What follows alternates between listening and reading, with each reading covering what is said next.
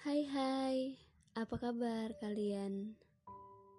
Oh ya, gimana perjalanan kalian hari ini?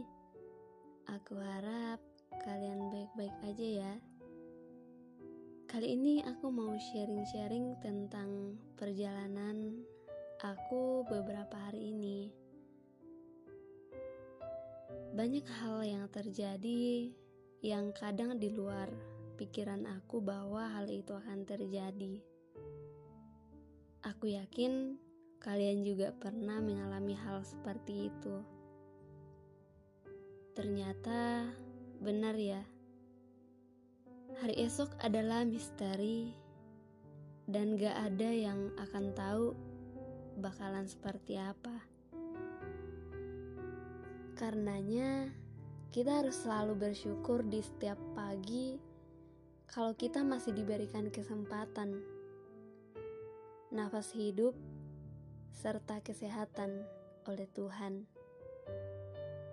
Berapa banyak di antara kita yang sering khawatir, mengeluh, bahkan suka overthinking tentang kehidupan,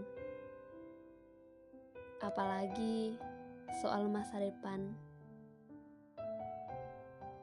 Sebagai manusia biasa, hal itu adalah hal yang wajar, yang gak apa-apa.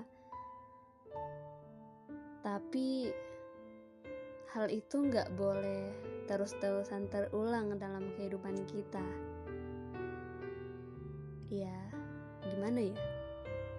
Sering aku juga masih mengalami hal seperti itu. Namun, aku selalu sadar bahwa Tuhan selalu ada Bahkan Tuhan selalu mengingatkan untuk selalu percaya.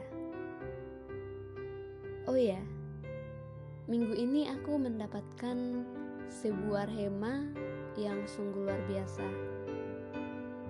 Semoga di mana pun kalian berada, yang mendengarkan ikut terberkati. Seberapa banyak dari kita yang dihadapkan dengan masalah itu kita pikirkan terus-menerus. Ya, kalau boleh saya bilang, sampai ke bawah mimpi. Pasti masih banyak dari kita yang seperti itu. Bahkan kita menganggap masalah kita yang paling besar dari masalah orang-orang yang ada di sekeliling kita. Bahkan kita berpikir Ah, sudahlah. Aku nggak mampu menyelesaikannya. Nah, kalau itu kamu,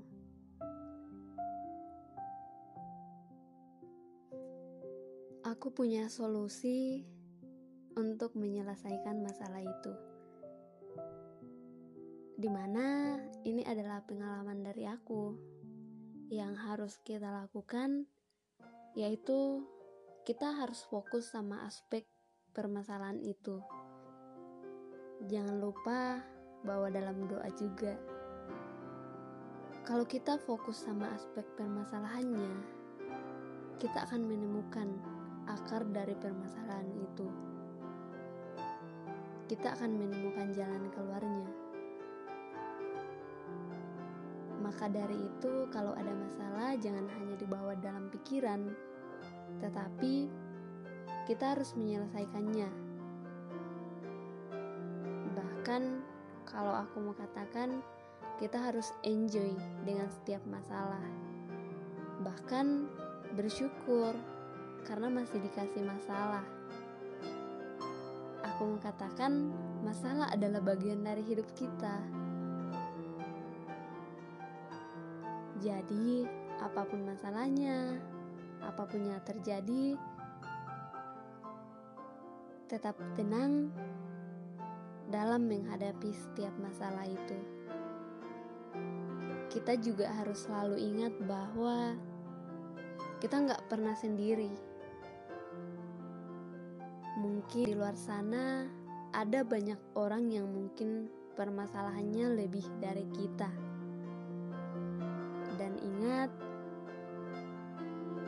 kita punya Tuhan Yesus sebagai Bapa, sahabat, serta penghibur yang akan selalu menyertai kita. Tuhan Yesus memberkati.